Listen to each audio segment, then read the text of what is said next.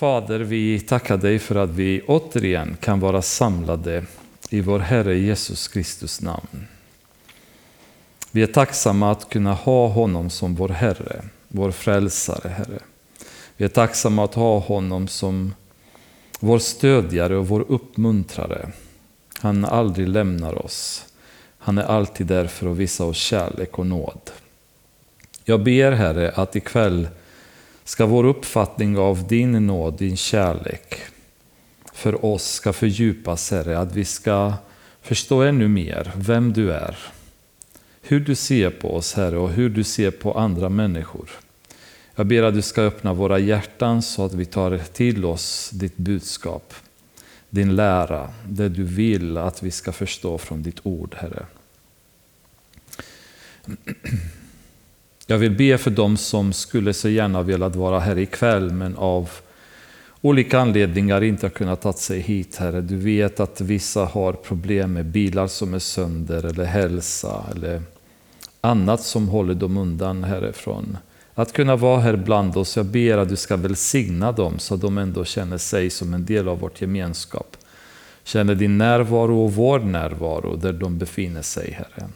I den kamp de har och det de behöver gå igenom. I Jesu namn. Amen. Ehm, innan vi går vidare så fick jag, ehm, ni känner ju mycket väl Linda, Klas, eh, deras barn som ibland är på bibelstudierna här. Och för eh, de av er som inte vet, de har köpt ehm, församlingshemmet, eller eh, missionshuset heter det snarare, i Horn. Och det har varit en serie, ja kan man väl säga, under som har lett till att de har lyckats att köpa det huset. Och de har verkligen känt sig ledda av Gud att satsa på det. Men sen de har gjort det så har de kämpat med en eh, massa motgångar i alla dess former. Eh, förra gången nämnde vi dem att deras bilar hade gått sönder. Eh, två bilar på en dag. Och jag fick ett eh, meddelande från dem och det var inget eh, de har skrivit att vi ska eh, ta det i bön. Men jag tycker att vi kan ta en stund och kanske be för dem. Ehm, ett meddelande som låter så här.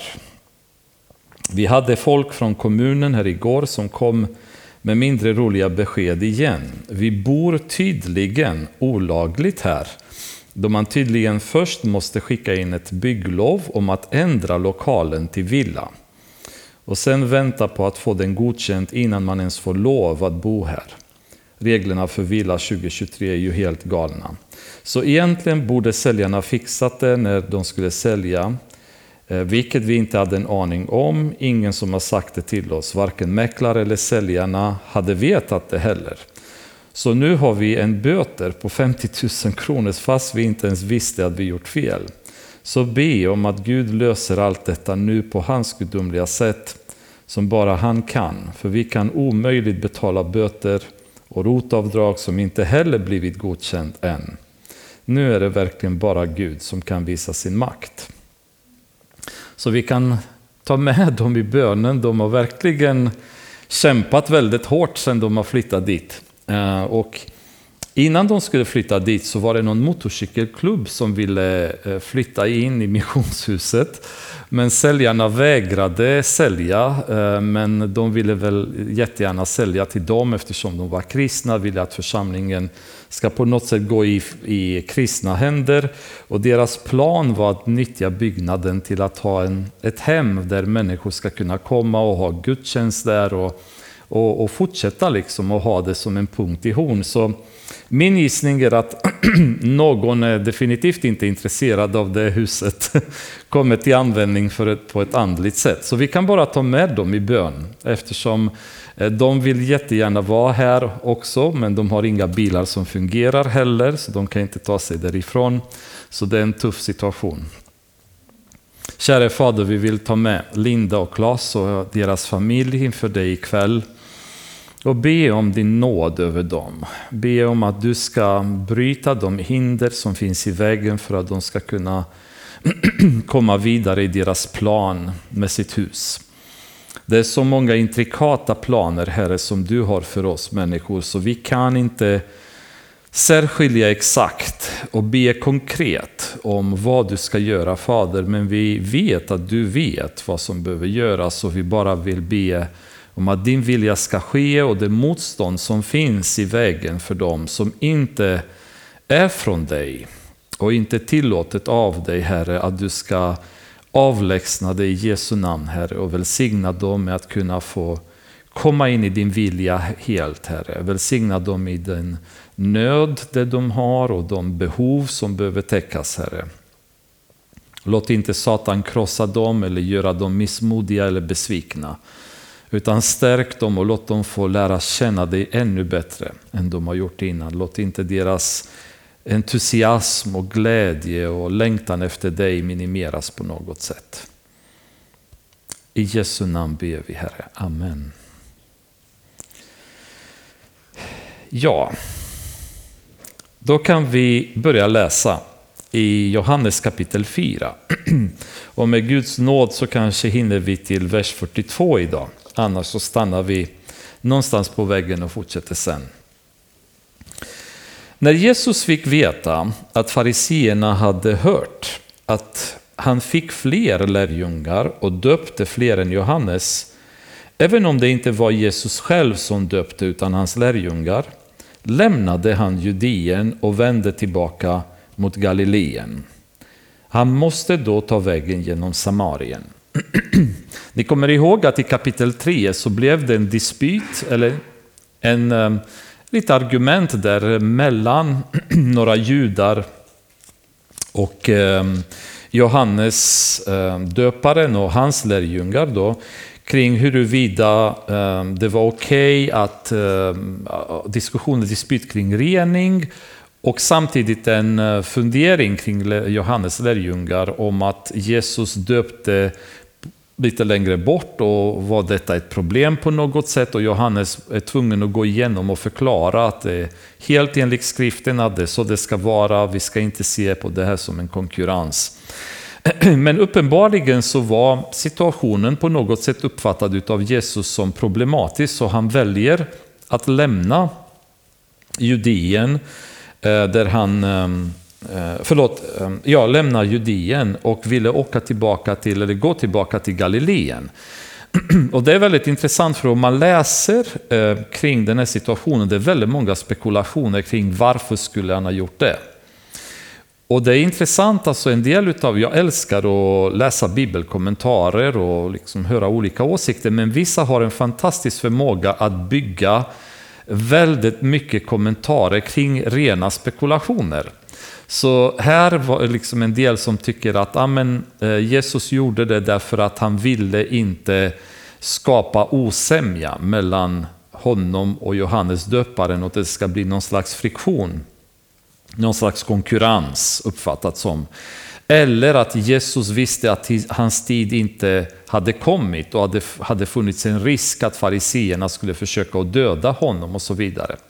Och jag tänker inte bygga på det för att allting är bara spekulationer. Vi har egentligen ingen aning varför Jesus valde att lämna området. Det kan mycket väl ha varit så att han ville inte att det skulle orsakas någon slags missförstånd eller missuppfattning eller tjafs kring det. Eller helt enkelt så fanns det en helt annan plan. Och det som, som får mig lite grann att kanske luta mer mot det sista, det är ju det faktum att att det står i vers 4 att han måste då ta vägen genom Samarien. Och jag vill hävda att han inte hade behövt ta vägen genom Samarien. Men det står att han måste ta vägen genom Samarien. Och därför tog jag upp en karta där som är ju eh, halv, halv väl upplöst. Då, men det, det behöver, vi behöver inte se varenda del av det för att förstå. Men Jesus befann sig någonstans i Judeen, här nere. Och då bestämmer han sig att dra till Galileen som ligger högre upp här i norr. Och normalt sett så försökte judarna allt de bara kunde att inte ha något med Samarien att göra. De försökte alltid att undvika passera samariska städer, eh, territorier. De hade definitivt inget som helst att göra med samarierna utan de höll sig för sig själva. Ehm, de såg på samarierna ungefär som man ser på några hundar som man inte ska befatta sig med. Hedniskt hednis folk som, som är helt tabubelagt och, och beblanda sig med på något sätt. Så när de behövde passera eller gå från Galileen till Judeen. Generellt sett så brukade judarna följa Jordandalen och så gå runt Samarien som ligger ju här emellan.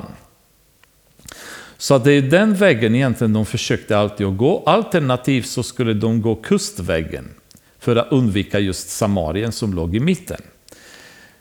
Men i Jesu fall så står det att han måste Eh, gå genom Samarien. Och då kan man säga, vad är egentligen Samaria? För att vi läser väldigt mycket om Samaria i Bibeln. Det dyker upp under flera situationer. Vi har den gode samariten som vi kallar det, eller Samarien kanske vore ännu lättare eller klarare att säga. Vi pratar om det här området ganska oftast i Nya Testamentet och väldigt mycket i Gamla Testamentet. Men har vi någon tydlig uppfattning om vad Samaria handlar om. Ehm, vi kan gå lite grann tillbaka då för att förstå. Den karta som jag tog fram här är kartan om den fördelning som Josua gjorde i kapitel 16 och 17 när de hade gått över Jordan och så började de fördela landet till de tolv stammarna. Varje stam fick en del av landet. Men de två stammarna som vi ska fokusera på det är Manasse och Efraim. Och tittar ni på kartan också bara för eh, allmänt geografins skull, ni ser hur mycket utav nuvarande Syrien och Jordanien bland annat som egentligen tillhörde eh, Israels stammar. Med tanke på all tjafs idag att israelerna ockuperar territorier och så vidare och så vidare ni ser att de, de är inte ens i närheten av att ha de territorier som de egentligen skulle haft enligt den fördelning som, som gjordes redan när Josua kom över Jordan. Så det här tjafset att de ockuperar någon annans territorium är ju falskt och väldigt historielöst. Utan de facto är att Israel ockuperar mycket mindre territorium idag än det territoriet som Gud hade ämnat att ge Israel.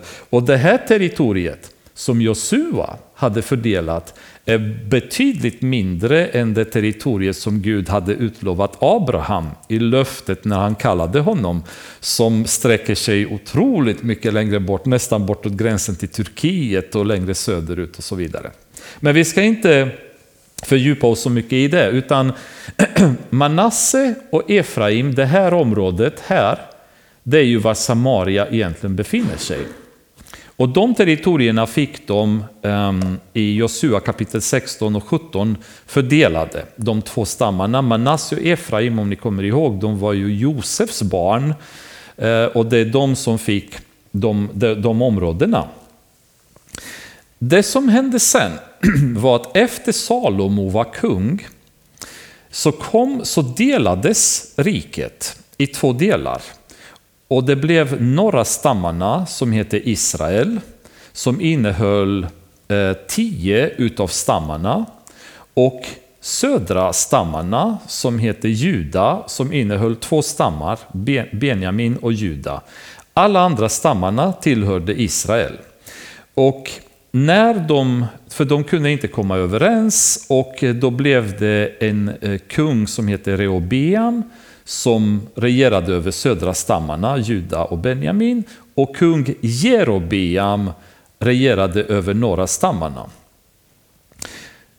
Problemet var då att de som var i, i norra stammarna, de övriga tio som tillhörde Israel, de var fortfarande tvungna att vandra ner till Jerusalem för att kunna offra och för att kunna delta i festligheter och gudstjänster.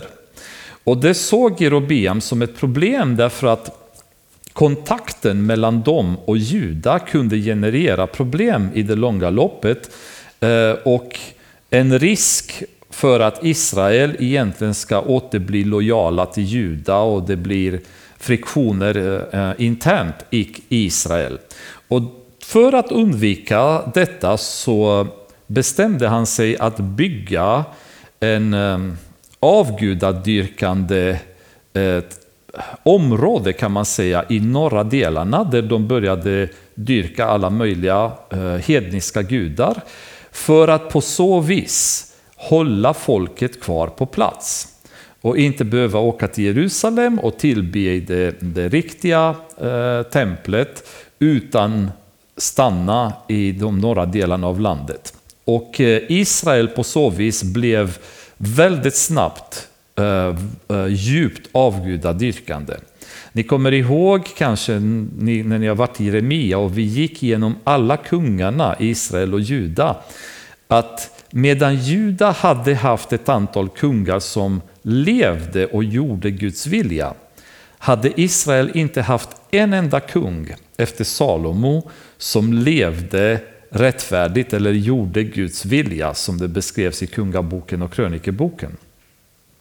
Detta resulterade i Guds vrede då som gjorde att år 727 f.Kr.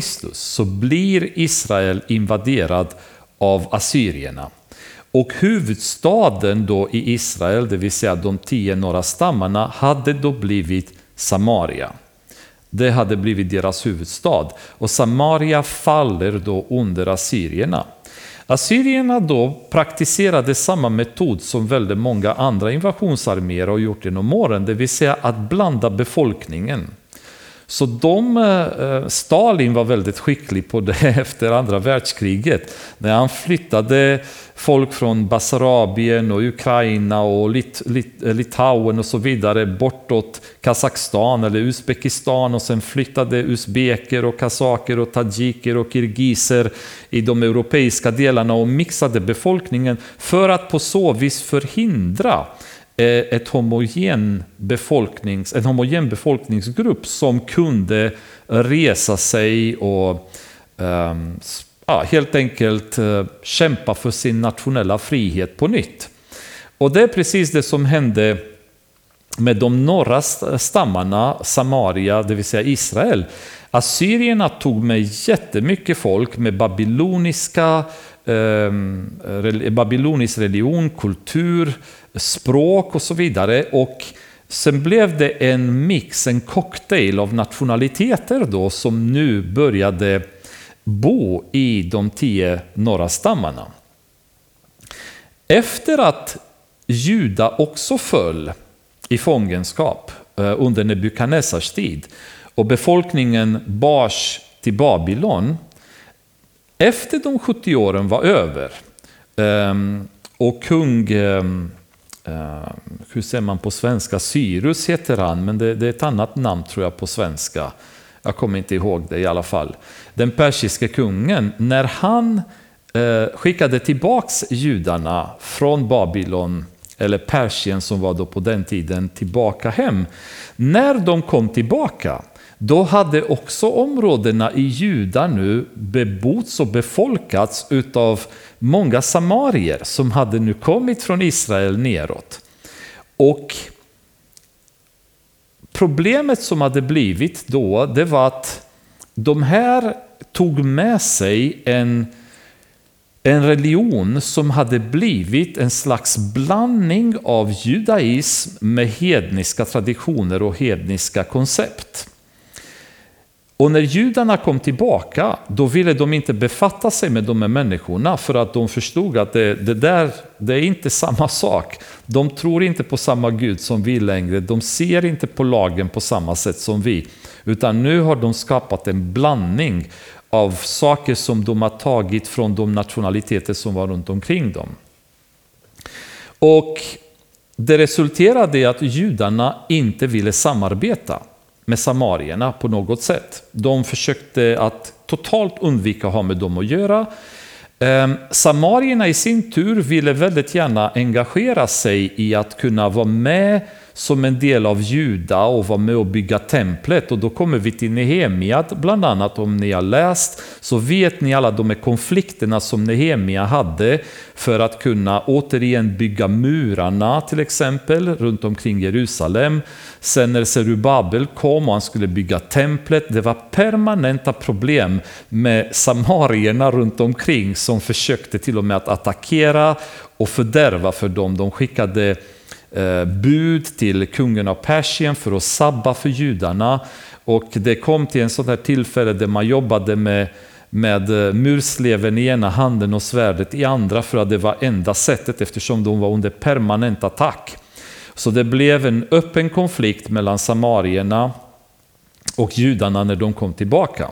Så det rådde en väldigt öppen konflikt och eh, total förakt från judarna eh, gentemot samarierna och med all rätt kan man väl säga, för att de hade haft mycket problem på grund av dem. Samarierna hade blivit totalt korrumperade när det gäller deras eh, tro och judarna ville inte ha med dem att göra. Och i parentes så kan man säga att det är precis lite sådana symptom vi ser även i församlingar idag, där väldigt många församlingar penetreras utav världsliga traditioner, världsliga koncept, världsliga religiösa begrepp som så småningom penetrerar församlingar, församlingar som inte är vakna, precis som det var i Israel. Ehm, och det blir Ehm, till slut så skulle jag nog säga, jag ser inom, inom kristenhet, eller om vi pratar allmänt, men även inom svensk kristenhet, jag kommer se en punkt där man behöver, behöver göra en vattendelare och säga vi kan inte ha med dem att göra längre. Där tron hos vissa församlingar blir så avgudadyrkande så det blir omöjligt att betrakta dem som bröder och systrar. Där koncept kring Jesu gudomlighet, frälsning genom tro och så vidare blir perverterade. Och då, då är det omöjligt att kunna ha en gemensam kristet, ett gemensamt kristet gemenskap. Och det är ju tragiskt när det blir så, men vi ser ju att det händer även inom kristenhet, alltså en, en förorening eller fördärvande av tro och grundläggande begrepp som vi, vi har i vår tro. Och det var ju den situationen som rådde då. Och eh, därav så blev den här situationen då judarna eh, undvek Samaria allt de bara kunde. Och därför är det väldigt intressant återigen vers 4 som säger att Jesus måste resa genom Samarien eftersom rent geografiskt eller traditionsenligt så var han inte tvungen att göra det. Det fanns ju rutter som kunde undvika Samarien. Men han måste ändå gå igenom Samarien. Vers 5. Och han kom till en samarisk stad som heter Sikar, nära den mark som Jakob gav till sin son Josef. I första Moseboken kapitel 33, det är inte länge sedan vi var där faktiskt, så var Jakob på väg tillbaka från Padan Aram efter att Gud hade talat till honom under flera omgångar och beordrat honom att gå tillbaka till Betel. Och till slut efter eh, att ha envisats att göra en massa andra saker då så tar Jakob med sig hela pick och packen, hela familjen, alla bekänterna och de drar iväg. Och ni kommer ihåg att istället för att gå till Betel så valde de att stanna i Shekem. Och i Shekem så började Jakob investera och han köpte mark där. Så på den marken är vi nu idag marken som Jakob hade köpt i första Moseboken kapitel 33. Därför att Shekem, eller Sikar, ligger någonstans här i det här området. Och det är samma område där Shekem låg tidigare då i första Moseboken. Så nu är vi på gamla eh, grund, eller gammal mark där Jakob hade själv redan köpt i första Moseboken kapitel 33. Och där fanns Jakobs brunn. Jesus som var trött efter vandringen satte sig där vid brunnen. Det var omkring sjätte timmen. Um, vi kan stanna lite grann kring den här versen. Det var runt sjätte timmen, vilket innebär med judiska mått mätt att det var tolv på dagen. Då. Så det var hett, det var varmt och det här var kuperat terräng dessutom, av allt att döma. Och Jesus um, var trött när han kom dit. Och det är intressant att han var trött därför att det finns vissa rörelser inom kyrkan idag och jag är alltid tveksam till att säga inom kristenhet, för ibland är jag inte riktigt säker på att de är kristna överhuvudtaget, som är så här konstiga rörelser. Men vi kan säga inom kyrkan idag, så finns det rörelser som hävdar att när Jesus kom på jorden så var han egentligen inte människa, utan han var bara Gud. Och människokroppen var bara Eh, en, en slags synvila under vilket Jesus uppträdde. Men han var ju fortfarande bara Gud. Och det går emot sådana verser där det står tydligt att Jesus var trött. För Gud blir inte trött, liksom. men, men Jesus blev trött. Och vi har situationer där Jesus var hungrig. Och vi har situationer då Jesus var törstig. Och vi har situationer när Jesus var ledsen. Så när Jesus var på jorden var, var han hundraprocentigt människa och hundraprocentigt Gud. Han, han lämnade inte sin gudomlighet, han avklädde sig de förmåner kan man säga som hans gudomliga status gav honom. Det är därför senare ber Jesus till Herren att lyfta upp honom till den plats där han befann sig innan. Men Jesus var fortfarande Gud, han var fortfarande Guds son, men han valde frivilligt att avkläda sig allt detta för att kunna leva som en människa och kunna vara ett exempel för oss. Så Jesus var ju hundraprocentigt människa och Jesus till och med kallar sig själv så många gånger människosonen. Eh, för att på något sätt betona detta att han var en människa precis som vi. Han tröttnade, han törstade, ehm, han upplevde jobbiga situationer i livet, han hade samma behov och samma nöd kan man säga som vi har. Eh, och I det här fallet är klockan 12 på dagen, förmodligen varmt och Jesus stannar vid bron för han är trött. Det intressanta med Jesus är att Vet ni att enda stället i Bibeln när vi ser Jesus rida, det är när han kommer in i Jerusalem på palmsöndagen. Och då rider han på en liten, på en liten åsna då kan man säga, så det var inte så jätteglamorös ridning det heller. Men det är enda gången han rider. I övrigt så gick Jesus överallt, eller vi ser honom ibland åka båt när de korsade någon sjö. Då. Men i övrigt så gick Jesus. Ehm, Jesus beskriver sig själv också som att han inte ägde någonting. Han hade inte ens en plats att kunna lägga sitt huvud när han berättar för folk att, att rävarna har en gryt men människosonen har inte ens en plats att lägga ner sitt huvud på. Så han levde eh, väldigt enkelt. Han, han var fattig kan man eh, rent praktiskt säga. Han, han levde Eh, väldigt fattigt och han uppträdde väldigt ödmjukt. Och det är ju, det är ju intressant för att han, han var ju trött därför att han hade gått. Och det var eh, kuperad terräng, det var mitt på dagen och han var trött. Och det, det är lite så här när man ser på Jesus så jag, jag, har väldigt svårt med det här idag med det här glamorösa livet som en del predikanter lever. Där man har sina privata jetplan, man har sina limousiner, när man har sina anställda och bekänter som hjälper en och så vidare. Alltså jag ser inte det hos Jesus. Jag ser inte Jesus åka limousin direkt och bara vänta tills dörren öppnar sig och någon lägger röda mattan för att han ska kliva ut. Alltså den attityden ser inte vi hos honom. Utan vi ser en ödmjuk Jesus som går till den punkten då han blir trött. Han är tvungen att sätta sig ner för han är trött. Liksom. Och det är ju det är ju den ödmjukheten och enkelheten med vilket Jesus lever som jag tycker bör vara till inspiration för oss.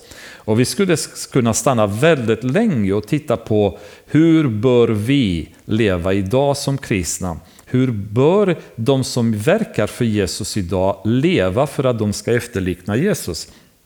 Men bara som exempel, om vi är oklara på hur vi ska leva, då kan vi titta på Paulus.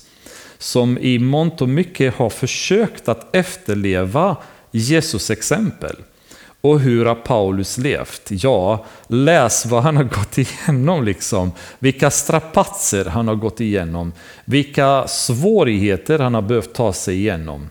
Men allra svåraste utav alla så säger han efter han beskriver alla fysiska påfrestningar som han har behövt leva igenom. Så säger han, och ovanpå allt detta så har jag den, um, uh, vad ska man säga, den um, care, vad, vad säger man det på svenska?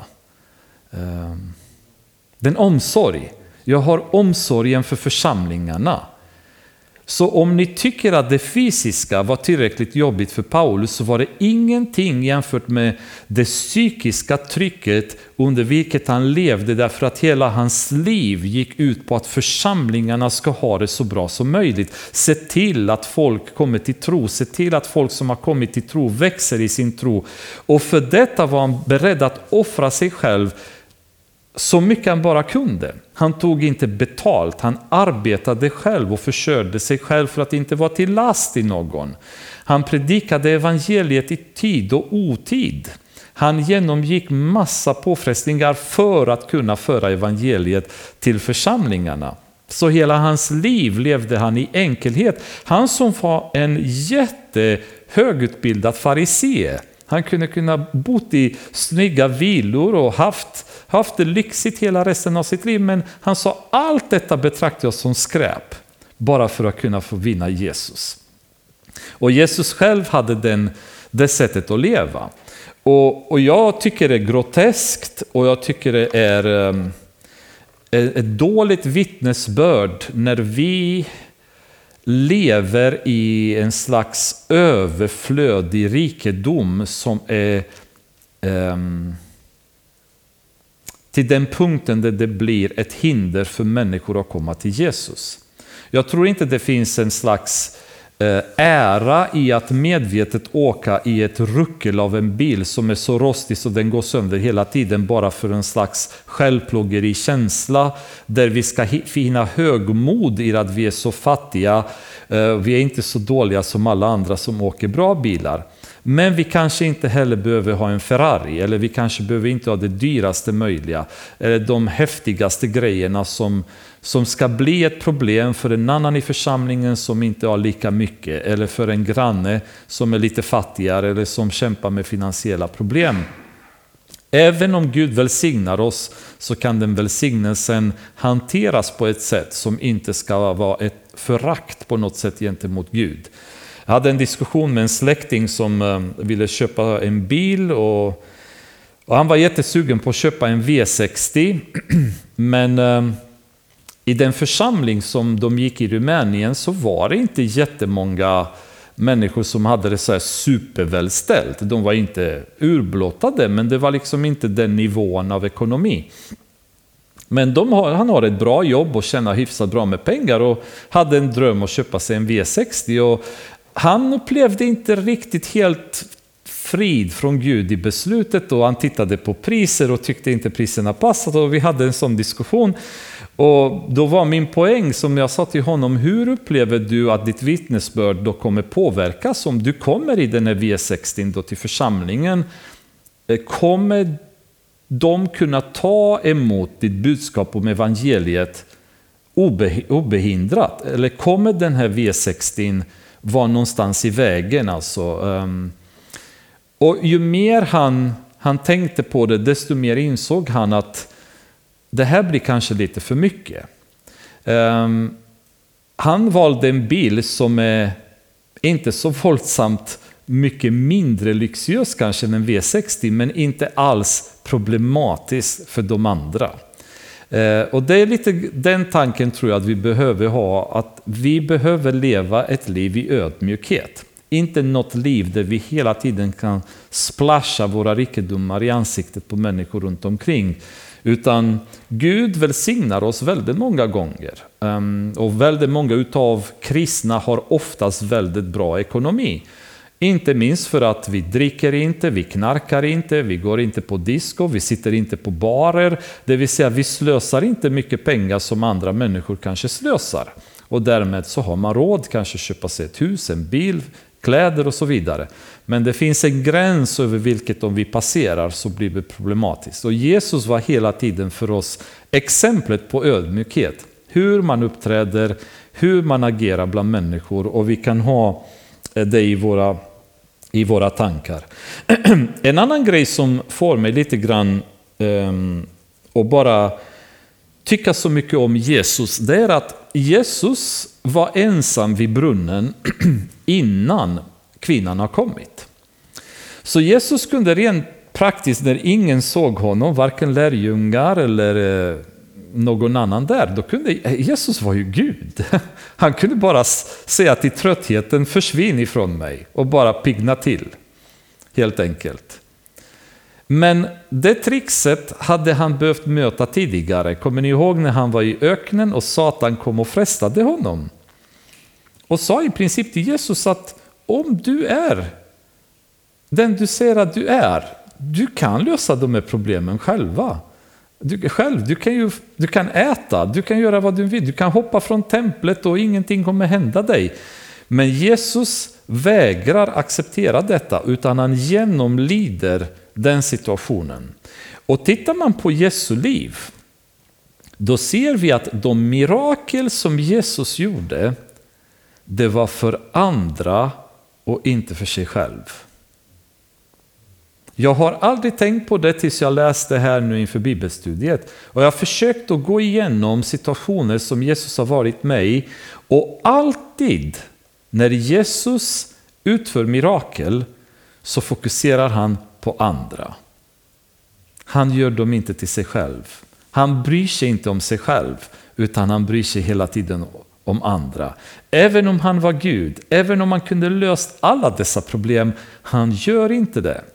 Och det som är intressant också, det är att vi tror på något sätt att Gud ska hela tiden hoppa in och utföra mirakel när vi vill att han ska göra det. Ett mirakel betyder oftast att saker sker på ett annat sätt än det normala. Till exempel när judarna kämpade kriget i, eh, i öknen. Kommer ni ihåg? Och Moses stod och bad med händerna uppe. Och så länge han kunde hålla händerna så vann Israel. Och när hans händer föll så, så vann motståndarna. Och så stod, stod de på varje sida, Josua och jag vet inte om det var Kaleb den andra som stod och, och, och höll i hans händer bara för att han skulle orka. Och så kommer ni ihåg striden när det kom stenar och hagel från himlen och förstörde armén. Då. Eh, ni kommer ihåg att Gud stoppade solens rörelse för att så länge solen var uppe då kunde judarna eh, vinna kriget, israeliterna. Men alla dessa grejer är saker som avviker från den skapelse som Gud har gjort. I Guds skapelse så rör sig tiden på ett visst sätt och jorden rör sig mot runt solen på ett visst sätt. Och gravitationen säger att om jag hoppar från templet ner så kommer jag bryta mina fötter. Och Jesus därför säger han till Satan liksom att man ska inte pröva Herren. Man ska inte försöka det, därför att det här går emot det som Gud har skapat. Det finns en gravitation. Och varför ska jag ta mig friheten att strunta i de lagar som Gud har gjort och bara kasta mig därifrån bara för att? Däremot så finns det situationer i Bibeln då Gud säger att ni kommer gå genom eld och ni kommer inte eh, brinna. Ni kommer eh, möta djur och ni kommer, de kommer inte äta upp er. Vi har exemplet med Daniel och så vidare. Så Gud utför mirakel när han vill hjälpa oss. Men i grunden så fungerar livet så som Gud har skapat det. Det vill säga, om jag går ut i skogen och möter en björn så riskerar jag att bli uppäten eller dödad eller skadad. Och Gud ger mig visshet. Men om jag kanske råkar hamna i ett läge där jag befinner mig framför en björn så kan jag be till Herren och Herren kan utföra ett mirakel om man anser att jag ska klara mig igenom det. Och det är ju det, den skillnaden så att säga, så jag ska inte utmana Herren till att han ska avvika från de lagar och sätt som livet fungerar på. Men däremot så kan Herren ingripa och kan göra oss friska om vi är sjuka eller vi, vi kan uppleva så att säga räddning i situationer där det inte finns något som helst hopp. Och jag upplevde faktiskt, eh, kan det vara något år sedan drygt, jag gick en promenad, så gick jag Herrekvarnrundan. Och eh, på, när jag kom lite grann innan jag skulle svänga till eh, själva kvarnen där, utan det var lite rak sträcka. Då kommer en chefer springande och skäller som bara den, bara riktigt sådär eh, ilsk mot mig. Och jag bara kände, vad gör jag? Liksom, jag kan inte göra någonting. Så jag bara började be till Gud om beskydd då. Och han bara kommer liksom fortfarande bara rakt mot mig skällande. Och jag bara fortsätter att be till Gud. Och när han kommer några meter ifrån mig, jag har aldrig varit med om något liknande, så nästan att han tvärstannar, tittar nästan skrämt på mig, lägger svansen mellan benen, gör en omväg bortom mig och sen fortsätter han och bara går och tittar bakåt mot mig och skäller ingenting därefter. Och jag bara kände, wow, vilken Gud jag har liksom. Men det skulle aldrig få mig att hoppa in bland massa schäfrar och, och, testa Gud, kommer Gud göra det här igen? Eh, utan vid ett sådant tillfälle så kan Gud utföra ett mirakel. Och det är det som jag gillar hos Jesus, att han lever i sin mänsklighet och utnyttjar inte sin gudomlighet för att lätta på sin smärta. Utan han genomgår de prövningar, de situationer som vi genomgår i vårt liv. För att kunna sen se att han har levt så som vi har gjort. Han har satt ett exempel och det exempel då kan vi titta på och följa. Vi kan inte följa en Gud som varenda gång det blir tufft så tar han till sin gudomliga makt och löser problemen. Utan vi kan följa Jesus som har tröttnat som vi, som har törstat som vi, som har hungrat som vi och till och med mer än vad många av oss någonsin har hungrat. Och det finns hopp om vi följer honom. Och det är jättehärligt att se hur han han eh, fungerar. Och det, det är som skillnad från idag. Liksom. Människorna idag försöker att göra det lätt för sig hela tiden. Och vi är mycket mer bekymrade om oss själva än vi är bekymrade om, om andra. Medan Jesu fokus var hela tiden på vad kan jag göra för de andra? Hur kan jag hjälpa de andra? Hur kan jag använda min makt, min kraft för att hjälpa dem? Vårt fokus är mycket mer självcentrerat. Hur kan vi göra livet lättare för oss själva? Och det är en stor skillnad tycker jag från hur han var. Då kom en samarisk kvinna för att hämta vatten. Jesus sade till henne, ge mig lite att dricka. Hans lärjungar hade gått bort till staden för att köpa mat. Den samariska kvinnan sade till honom, hur kan du som är jude be mig, en samarisk kvinna, om något att dricka? Judarna umgås nämligen inte med samarierna. Jesus svarade henne, om du kände till Guds gåva och vem det är som ber dig ge mig lite att dricka, då skulle du ha bett honom och han hade gett dig levande vatten. Hon sade, Herre, du har ingen kruka och brunnen är djup, så varifrån får du det levande vattnet? Man tror att den brunnen var minst någonstans runt mellan 10 och 15 meter. Den brunnen finns tydligen till och med idag kvar i Israel. Men man räknar med att det var ungefär 10-15 meter, så det var en väldigt djup brunn. Och hon säger bara, hur ska du fixa levande vatten? Är du större än vår far Jakob? Han gav oss brunnen och drack ur den själv Likaså hans söner och hans, hans boskap. Men eh, Jesus svarade henne, den som dricker av det här vattnet blir törstig igen. Men den som dricker av det vatten jag ger honom ska aldrig någonsin törsta.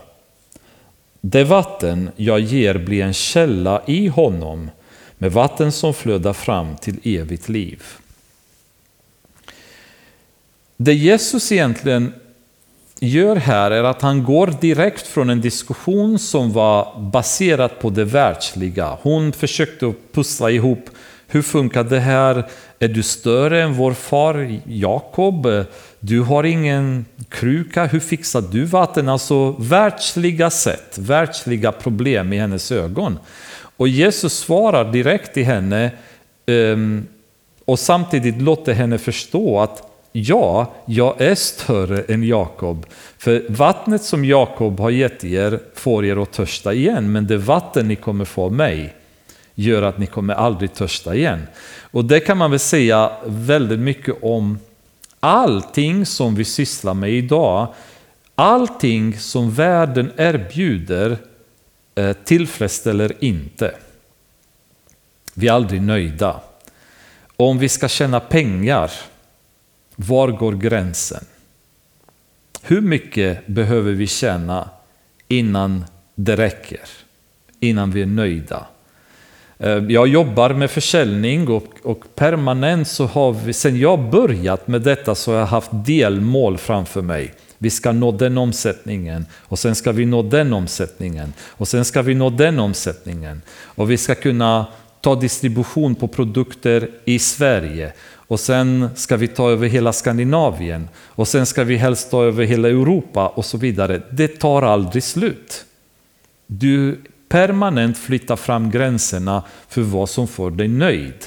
Du vill tjäna mer pengar hela tiden. Det finns inte en gräns där du säger att ah, men nu räcker det för mig. Om pengatjänandet är det som driver en. Passionen för att tjäna pengar. Makt, det är samma sak där. Är man makthungrig, var tar det slut? Tar det slut när jag blir kommunalråd? Eller måste jag bli, eh, inte vet jag, landstingsgubbe eller eh, måste jag komma in i riksdagen? Och när jag kommit in i riksdagen måste jag bli minister, sen måste jag bli statsminister och sen kan jag bli EU-gubbe på något ställe där. Alltså vad tar det slut? Måste jag hamna i FN eller ska jag bli NATO-chef innan jag blir nöjd? Så börjar jag jaga makt så tar det aldrig slut. Och, och var, var, om jag börjar jaga underhållning, var tar det slut? Hur, var, tar, var går gränsen för var underhållningen räcker till? Liksom? Hur mycket resor behöver jag ta innan jag blir nöjd? Hur många konserter behöver jag åka till innan jag blir nöjd? Hur många filmer måste jag se innan jag blir nöjd? Um, var, tar det slut liksom? det, vi törstar efter mer hela tiden därför att det tillfredsställer inte. Det är bara små kickar och sen måste man vidare och sen har, har vi druckit oss nöjda för tillfället, sen törstar vi igen. Det har gått lite tid, nu törstar man igen. Eh, om man börjar missbruka sex, det är också en sån situation. Var tar det slut liksom? Och I Rumänien till exempel så hade man promiskuitet bland väldigt många var ganska vanlig. Och det, liksom, det, tar, det tar aldrig slut. Har de varit otrogna mot sin fru en gång, ja men då är de en gång till och en gång till och en gång till. Det tar slut när frun tar reda på det och slänger dem ut ur huset förmodligen, eller det blir någon slags motreaktion. Men eh, brottslighet, knark och så vidare, var, var tar det slut? När du börjar förskingra pengar eller du säljer droger det tar aldrig slut. När, du, när man har börjat med det så blir det bara mer och mer och mer. Och det enda gången det kanske tar slut, det är om man hamnar i fängelset och inte har möjlighet att göra det mer. Och det Jesus säger att det här vattnet som ni dricker, som tillfredsställer köttet, när, när ni har släckt törsten så kommer den här törsten sen komma tillbaka. Men det jag har, det är levande vatten. Och det är ju ett begrepp som eh, som inte var helt främmande. Men hon undrar om detta och säger Herre, ge mig det vattnet så att jag slipper bli törstig och gå hit och hämta vatten. Så hon är fortfarande bara kopplad till det världsliga oj, finns det någon vatten som jag kan dricka och så slipper jag bära på de här tunga krukorna hela tiden och, och hämta vatten. Ja, det är klart jag vill ha det. Liksom, ge mig det här, kan jag profitera på något sätt på detta så jag är med på noterna. Han sa det, gå och hämta din man och kom hit. Kvinnan svarade, jag har ingen man. Jesus sa det, det stämmer som du säger att du inte har någon man. Fem män har du haft och den du har nu är inte din man. Det du säger är sant. Så det är möjligt att hon var en kvinna som hade levt i promiskuitet. Och av den anledningen, återigen, så har jag hört spe spekulationer kring varför kom kvinnan klockan 12 på dagen till brunnen? För att en del säger att amen, det här gjorde man på morgonen, så varför kom hon mitt på dagen? Och så det börjar spekuleras, ja hon kanske var utfryst i sin by, ja hon kanske skämdes som var ihop med andra. Vi har ingen aning, vi kan inte spekulera om det. Men jag har hört, jag har hört hela kommentarer, eller sett predikningar om det faktum att hon var en utslagen kvinna, hon var, hon var utfryst. Och jag satt och tittade i Bibeln bara, var får de det ifrån? Var står det någonstans att hon var utfryst? Var står det någonstans att hon var en utkast eh, i, i den här den här byn? Vi vet inte. Hon kan mycket väl ha gått klockan 12 för att vattnet var slut hemma och behövde hämta mer. Det har vi ingen aning om. Och det faktum att hon går sen tillbaka ser vi senare, hon pratar med de andra i byn utan problem och vittnar för dem. Så vi vet inte, det kan mycket väl ha varit så, men vi har ingen aning. Men det vi kan ana är att hon hade levt kanske promiskuöst liv, för hon levde med en man nu som inte var hennes man. Och Jesus påpekar detta. Och här blir intressant reaktion på, på det som Jesus säger. Eh, för Jesus pratar hela tiden om levande vatten. Och levande vattnet är nämnt bland annat i Jeremia i kapitel 2, i Jeremia kapitel 17, i Jesaja.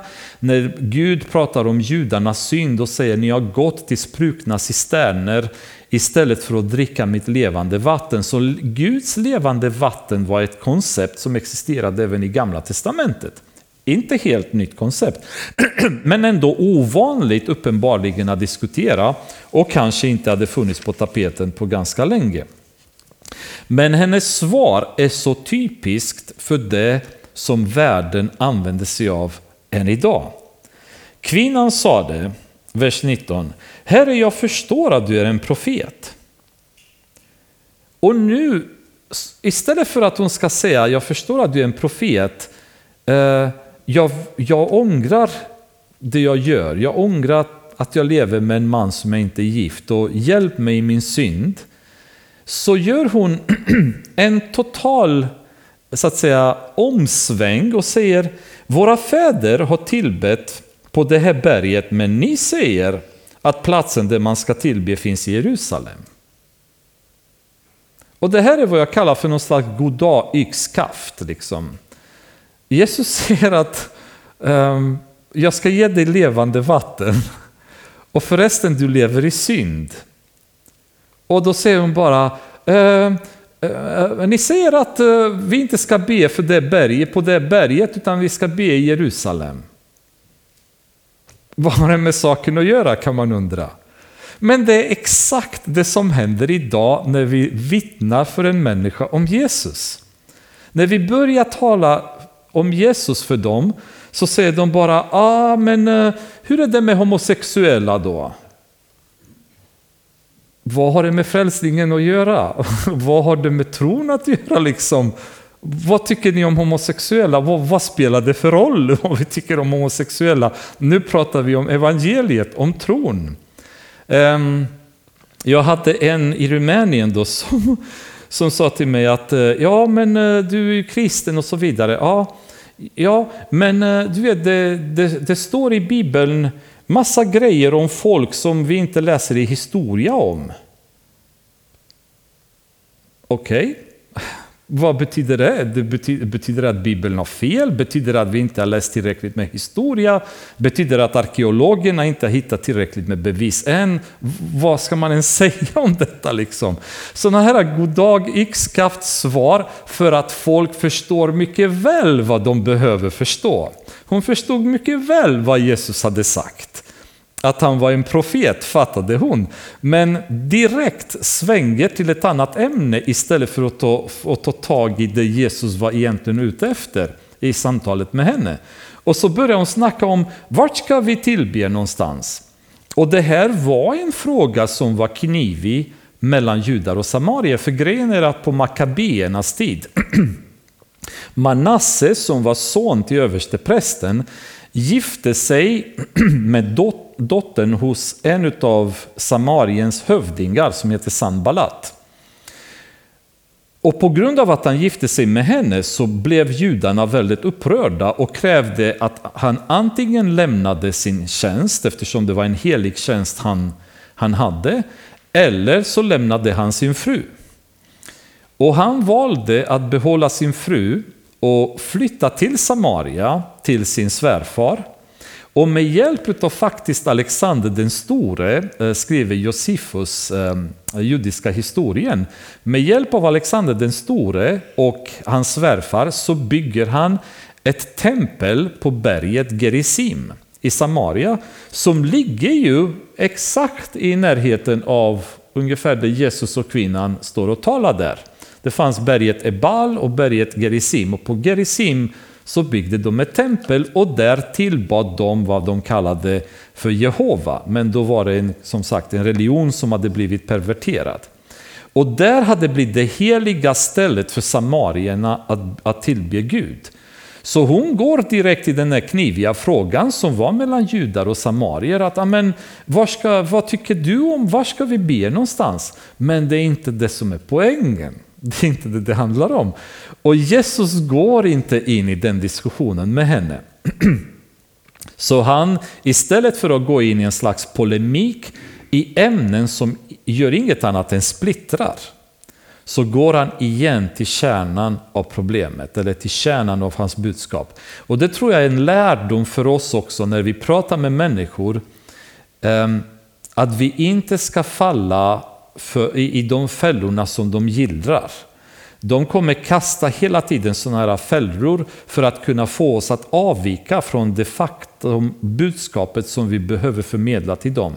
För om vi går i diskussioner kring homosexualitet, om vi går i diskussioner kring abort, om vi går i diskussioner kring eh, rasdiskriminering, om vi går i diskussioner kring feminism som hela tiden kastas framför oss. Vi kommer aldrig kunna förmedla frälsningen till en person om vi går in i sådana samtal. Det vi behöver få fram till dem, det är evangeliets budskap. Det är den som de behöver höra. Så att vi, vi får ta lärdom av vad, det, vad Jesus säger här. För han går in i, inte in i polemik med henne, utan han svarar Tro mig kvinna, det kommer en tid när det varken är på det här berget eller i Jerusalem som ni ska tillbe Fadern. Oh, alltså det blir ju en väldigt slag. För det första så kallar han Gud för Fadern. Så han flyttar nu positionerna till något väldigt personligt, till vår far. Han pratar inte Gud, han pratar inte Jehova, han säger Fadern. Han går direkt till en personlig nivå med henne och dessutom introducerar ett koncept som var dem så främmande, det vill säga att tillbedjan handlar inte om en plats. Det handlar inte om Jerusalem, det handlar inte om berget Gerizim, utan lyssna noga, det kommer en tid när det kommer ske på ett annat sätt. Ni tillber vad ni inte känner, vi tillber vad vi känner eftersom frälsningen kommer från judarna. Det vill säga, ni tillber en Gud som är falsk. Ni har skapat en religion som inte stämmer. Vi vet vad vi tillber, så vår tro är korrekt. Så vi tillber rätt. Frälsningen kommer dessutom från judarna, det vill säga Jesus kommer från judarna. Men det kommer en tid, och den är redan här, när sanna tillbedjare ska tillbe Fadern i ande och sanning. Sådana tillbedjare vill Fadern ha. Så Jesus nu flyttar fram positionerna från världsliga formella händelser, religiösa aktiviteter till konkret intim relation med Fadern. Och Jesus säger det är, det, det är den tiden som har kommit nu när tillbedjan görs i anden, i sanning och mellan människor och Fadern. Gud är ande och de som tillber honom måste tillbe i ande och sanning. Kvinnan sade till honom, jag vet att Messias ska komma, han som kallas Kristus. När han kommer ska han berätta allt för oss. Hon hänger fortfarande inte med. Hon, hon, liksom, hon går igen och hoppas sig bara, ah, jo, jag vet att det kommer att komma Messias. Bara, men lyssnar du på vad jag säger liksom, kan man tycka att uh, hon, hon på något sätt ni har säkert pratat med sådana människor, så man, man försöker att få fram en tydlig poäng och så säger de en sak som bara, okej, okay, nu behöver jag möta dem i det, det påståendet på något sätt och sen leda dem tillbaka dit vi behöver egentligen prata om, för det är det de behöver höra. Men de liksom springer hela tiden fram och tillbaka och nu går de lite steg närmare och säger bara ja, ja, vi vet det kommer Messias och Messias kommer lära oss allt. Men liksom Jesus, men jag försöker att lära dig just nu, liksom, eh, det du behöver veta. Men hon ungefär säger att ja, men det, det är ju, eh, vi, vi kan vänta med det tills Messias, Messias kommer. Men då sade Jesus till henne, det är jag, den som talar med dig. Och här använder Jesus Jehova uttrycket jag är. Och det är nu kan man säga att det, det blir klart för henne egentligen vem hon pratar med. Då. Jesus förklarar att det är jag som är Messias. Rabbinerna brukar säga att det är bättre att, att bränna lagens ord än att dela dem med en kvinna. Eh, men det intressanta är att Jesus väljer en kvinna och en samarisk kvinna som den första personen som han avslöjar att han är Messias till. Och det är ganska fräckt. Eh, helt oförväntat, men han väljer just henne för att berätta att jag är Messias. Just då kom hans lärjungar. De blev förvånade över att han talade med en kvinna, men ingen frågade vad han ville henne eller varför han talade med henne. Kvinnan lämnade sin vattenkruka och gick in i staden och sade till folket, så hon hade bråttom. Nu struntade hon i vatten och allt, hon bara stack till staden direkt. Kom så får ni se en man som har sagt mig allt jag har gjort. Han kanske är Messias. Då gick de ur staden och kom till honom. Alltså, det här är det kortaste och enklaste vittnesbördet. Liksom. Ingenting annat, inga krusiduler, inga bibelverser, ingenting, utan bara kom, jag tror att jag har hittat någon som är Messias. Och det är inte bara, alltså, då måste jag fundera på bara, vad snackar du om ändå? Alltså, det är inte bara att Messias poppar upp ur ingenstans. Men hon bara, kom, ni måste se, han kanske är Messias.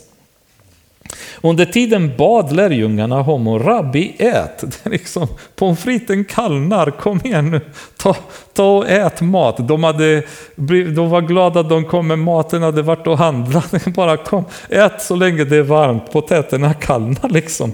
Men han sa det till dem, jag har mat att äta som ni inte känner till.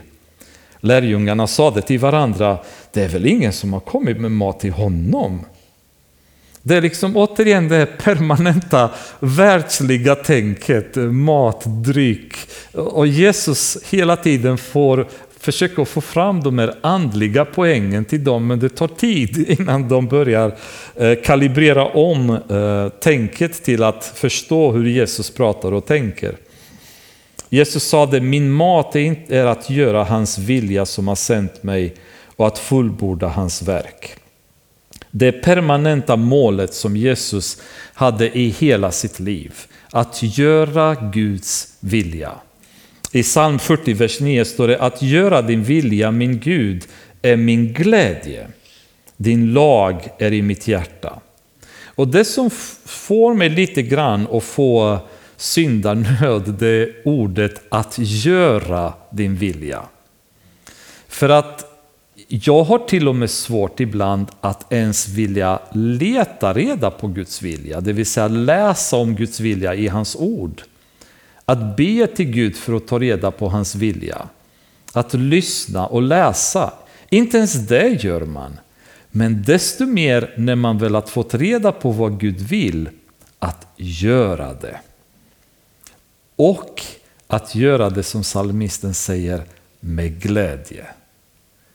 Inte att vad jobbigt det är, åh vad tungt det är, åh vad jag skulle vilja göra något annat istället för det här, utan att med glädje göra Guds vilja. Alltså komma till en sån relation med Gud och hans vilja blir min glädje.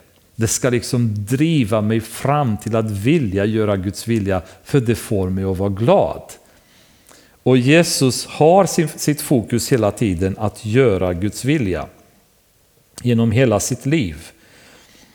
Säger ni inte fyra månader till sedan kommer skörden, men se, jag säger, lyft blicken och se hur fälten har vittnat till skörd. Redan nu får den som skördar sin lön, han samlar in frukt till evigt liv, så att den som sår och den som skördar får glädja sig tillsammans. Här stämmer ordet att en sår och en annan skördar. Jag har sänt er att skörda där ni inte har arbetat, andra har arbetat och ni har gått in i deras arbete. Så Jesus nu får så att säga knyter an säcken och säger vi är nu i Samaria här och här finns det en skörd. Oförväntat nog, liksom, därför att alla tänker på judarna och så vidare. Och Jesus säger att det finns en skörd här. Och inte nog med det, men det finns människor som genom tiderna och genom åren har arbetat på det fältet som har predikat till de här människorna. Och nu kommer ni att ta del av det de har gjort, den grund som de har lagt. Och i Guds rike, i evangeliets framgång, så finns det ingen konkurrens. Utan den som sår och den som skördar är samarbetspartner och båda två gör Guds vilja. Och Jesus säger till dem att här har vi en stor skörd och ni dessutom kommer hit och andra har varit före er, de har förberett det fältet, så nu är det bara att skörda. Och det är samma situation där vi befinner oss i när vi vittnar till en människa. Vi vet inte om den personen har blivit eh, kontaktad eller bevittnad av någon annan innan. Eller läst en bok, en traktat eller en bibel på ett hotellrum som någon hade lämnat. Vad som helst. Men vi kan komma dit och fortsätta och um, jobba med den personens hjärta och kanske bli frälst på grund av vårt evangelium. Men vi har ingen aning hur många före oss som har lagt grund till detta och vad de har behövt möta. Men Gud ser allt det här och Jesus förklarar hur det går till. Många samarier från den staden kom till tro på honom genom kvinnans ord när hon vittnade, han har sagt mig allt jag har gjort. När samarierna kom till honom bad de att han skulle stanna kvar hos dem och han stannade där två dagar. Många fler kom till tro på grund av hans ord och de sade till kvinnan, nu tror vi inte bara på grund av vad du har sagt, vi har själva hört och vi vet att han verkligen är världens frälsare. Det häftiga med samarierna här, det är att han utför inget mirakel bland dem. Bland judarna så utförde Gud, eller Jesus väldigt många mirakel. Bland samarierna, nej. De kom till tro baserat på det som Jesus predikade. Och det är ganska häftigt, för Jesus till och med eh, säger till judarna att liksom, ni, ni vill hela tiden se mirakel för att ni ska tro. Och han till och med fördömer dem på grund av det. Samarierna som var betydligt större syndare och hedniska eller halvjudar som en del kallade dem. De kommer till tro bara genom att höra Jesus predika. Mirakel krävdes inte där, utan hjärtan var öppnade för att höra evangeliet och därför säger Jesus det finns en skörd här att få tag på och ni kan komma in och skörda. Och vi stannar här för ikväll.